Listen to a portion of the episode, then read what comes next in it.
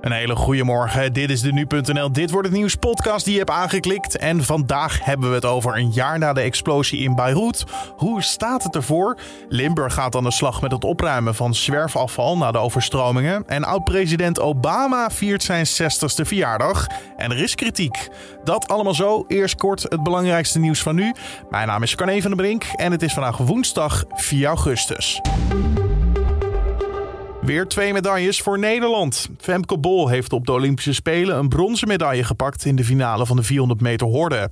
Het goud ging naar Amerika, dat het wereldrecord aanscherpte. En hoe kan Bol die laatste horde nemen? Het gaat uh, niet voldoende zijn voor goud. Maar wie gaat die winnen? Het is de McLaughlin die wint in 51-47 voor Mohammed in het brons. Toch gewoon het hoogst haalbaar is voor Femke Bol. Zo was te horen bij Eurosport. Eerder in de nacht pakte Sharon van Rouwendaal zilver op de 10 kilometer open water. De zwemster was de titelverdediger en deelde haar race goed in, maar zag haar Braziliaanse tegenstander toch eerder over de streep gaan. En verder ook nog succes voor de hockeysters, want zij hebben zich geplaatst voor de vijfde keer op rij voor de finale van de Olympische Spelen.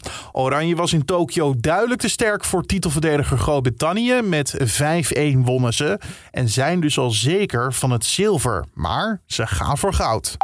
Na de opleving van het botenbezit in Nederland lopen nu ook de havens vol. De lichtplaatsen in de jachthavens zijn deze zomer voor 80 tot 100% bezet.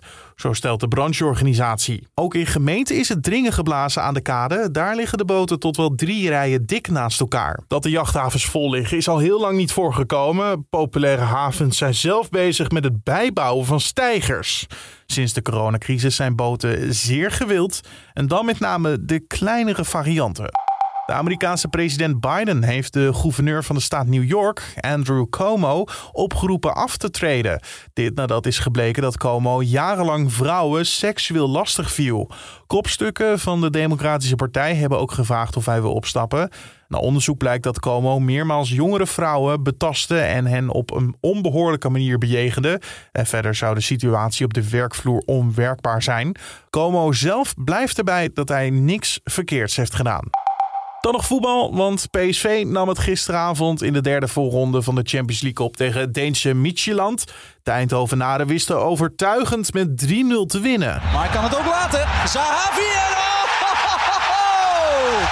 Cody Gakpo maakt 3-0. Zo was te horen bij RTL. Volgende week is de return in Denemarken voor een plek in de play-offs. Dan de dag van vandaag, oftewel dit wordt het nieuws. Ja, precies een jaar geleden werd de Libanese hoofdstad Beirut opgeschrikt door een enorme explosie in de haven. Er vielen honderden doden, duizenden gewonden en honderdduizenden mensen raakten dakloos. Vrij snel kwam Giro 555 in actie waar mensen geld konden doneren om zo de slachtoffers te helpen. In totaal is zo'n 15 miljoen euro opgehaald en daar zijn nu ruim 80.000 mensen mee geholpen. We praten erover verder met Garans Reus, directeur Plan International Nederland. Zij vertelt hoe het geld grotendeels besteed is. Ja, we zijn natuurlijk direct na de explosie, vandaag precies een jaar geleden, begonnen met echt acute noodhulp. En dan had je het echt over voedsel, water, tijdelijk onderdak, uh, puinruimen om, om te kijken of daar uh, geen, geen gewonden of overlevenden nog uh, te vinden waren. Dat was echt acuut in de dagen en weken na de ramp. En wat je nu langzaam maar zeker ziet in het afgelopen half jaar, is dat we veel meer bezig zijn met, met echt herstel van huizen, maar ook we hebben een ziekenhuis hersteld. We hebben ervoor gezorgd dat kinderen weer naar school kunnen. En wat je nu, uh, waar we ons nu op richten is eigenlijk een paar verschillende dingen. Uh, kinderen die echt psychosociale hulp nodig hebben. Heel veel kinderen, kan je je voorstellen, zijn echt getraumatiseerd. We spraken met een meisje, uh, Gina. En uh, ja, die, die, die, eindelijk kan ze weer een beetje slapen s'nachts. Haar moeder zegt, eindelijk lacht ze weer af en toe. Ze praat weer. Heeft ze dan nachtmerries van de knal, van bijvoorbeeld glas wat heen en weer ging? Of? Ja, er zijn natuurlijk kinderen die gewond zijn geraakt. Die echt glas in hun benen hadden of, of erger. Uh, maar heel veel kinderen, er zitten natuurlijk ook heel veel uh, Syrische vluchtelingen in Beirut. En heel veel kinderen die riepen dingen als de oorlog is weer begonnen. Dus, dus die, die getraumatiseerde kinderen, daar kunnen we nu extra aandacht aan besteden. Maakt de overheid in het land uh, steun en hulp ook makkelijk? Of zitten er wel veel haken en ogen aan voor jullie als ja, hulporganisatie? Ja, nou gelukkig zou ik willen zeggen, zijn, zijn de organisaties die, de hulporganisaties die verbonden zijn aan Giro 555 wel gewend te werken in landen waar er of een afwezige overheid is of een hele fragiele overheid. En dat is hier natuurlijk niet anders. Dus wij zijn niet afhankelijk van de overheid voor, uh, voor de hulpverlening. Uh, wij, zijn ook, wij, besteden de middelen zelf met lokale partners of met onze eigen organisaties ter plekke.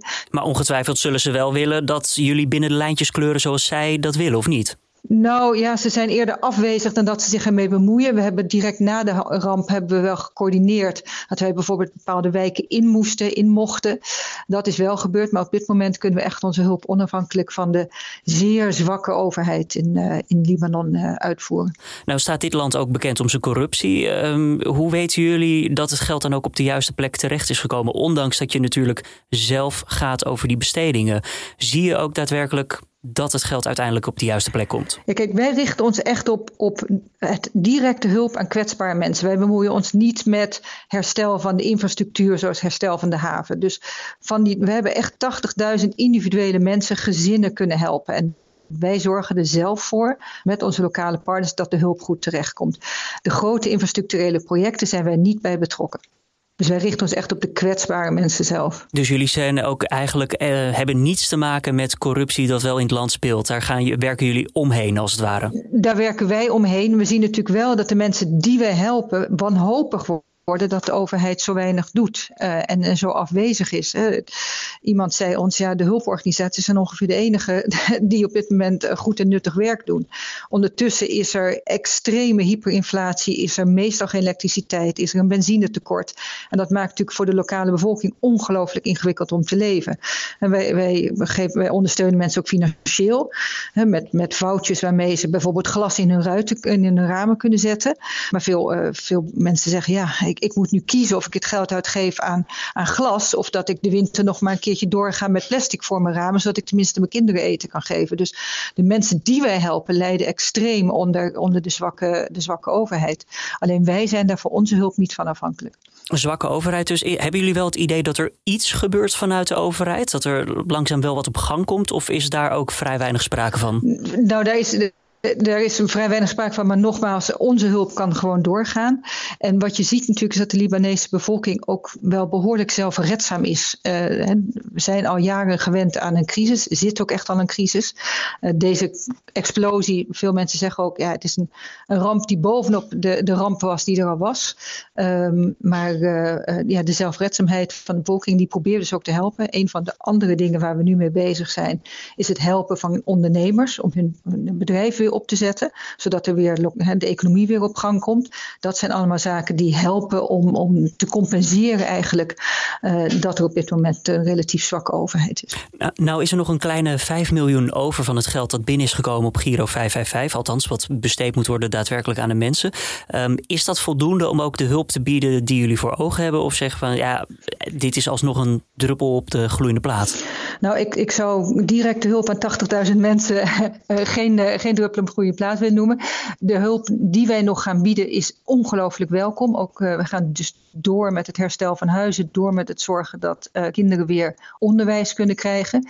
En wat, wat natuurlijk ook belangrijk is, wij werkten als samenwerkende hulporganisaties, alle elf leden werkten al in uh, Libanon en in Beirut en zullen dat ook blijven doen uh, met andere projecten. Dus de, de hulp die wij al verleenden uh, gaat gewoon door en gaat in de komende jaren ook door. Ook als, het, als de middelen van Giro 55 besteed zijn. Garans Reus, directeur bij Plan International Nederland, hoorde je daar in gesprek met mijn collega Julien Dom.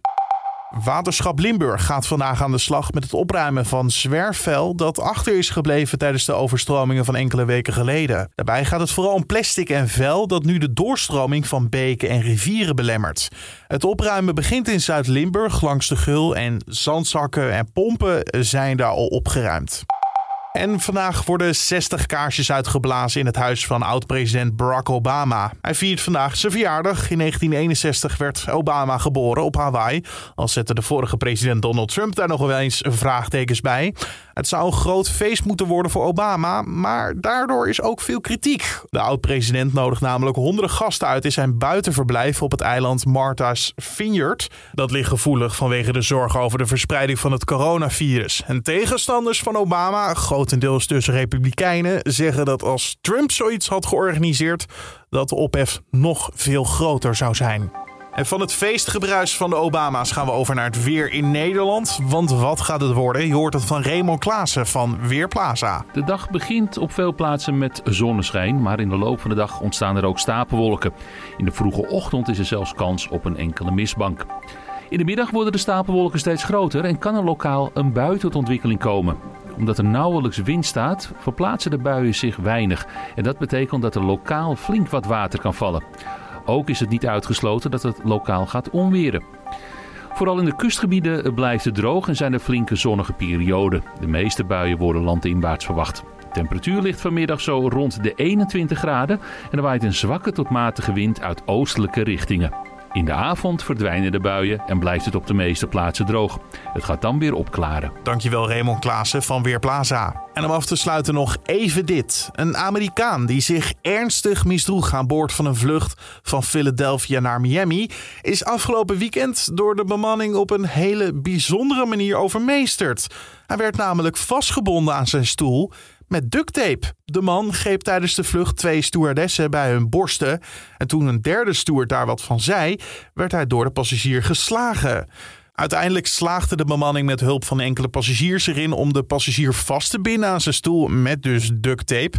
En tijdens het vastplakken schilde de man, waarop ook zijn mond werd dichtgeplakt. Ja, de passagier zou onder invloed zijn geweest van alcohol. En de betrokken bemanningsleden zijn, zolang het onderzoek loopt, met betaald verlof gestuurd. En na deze bijzondere actie sluiten we ook deze podcast af voor de woensdag 4 augustus. In de ochtend en middag vind je ons op de voorpagina van nu.nl en in je favoriete podcast-app. Je kan je natuurlijk gratis abonneren op de podcast, zo mis je geen aflevering. En je kan een recensie achterlaten bij Apple Podcast. Mijn naam is Carne van der Brink. Een hele mooie dag en heel erg bedankt voor het luisteren.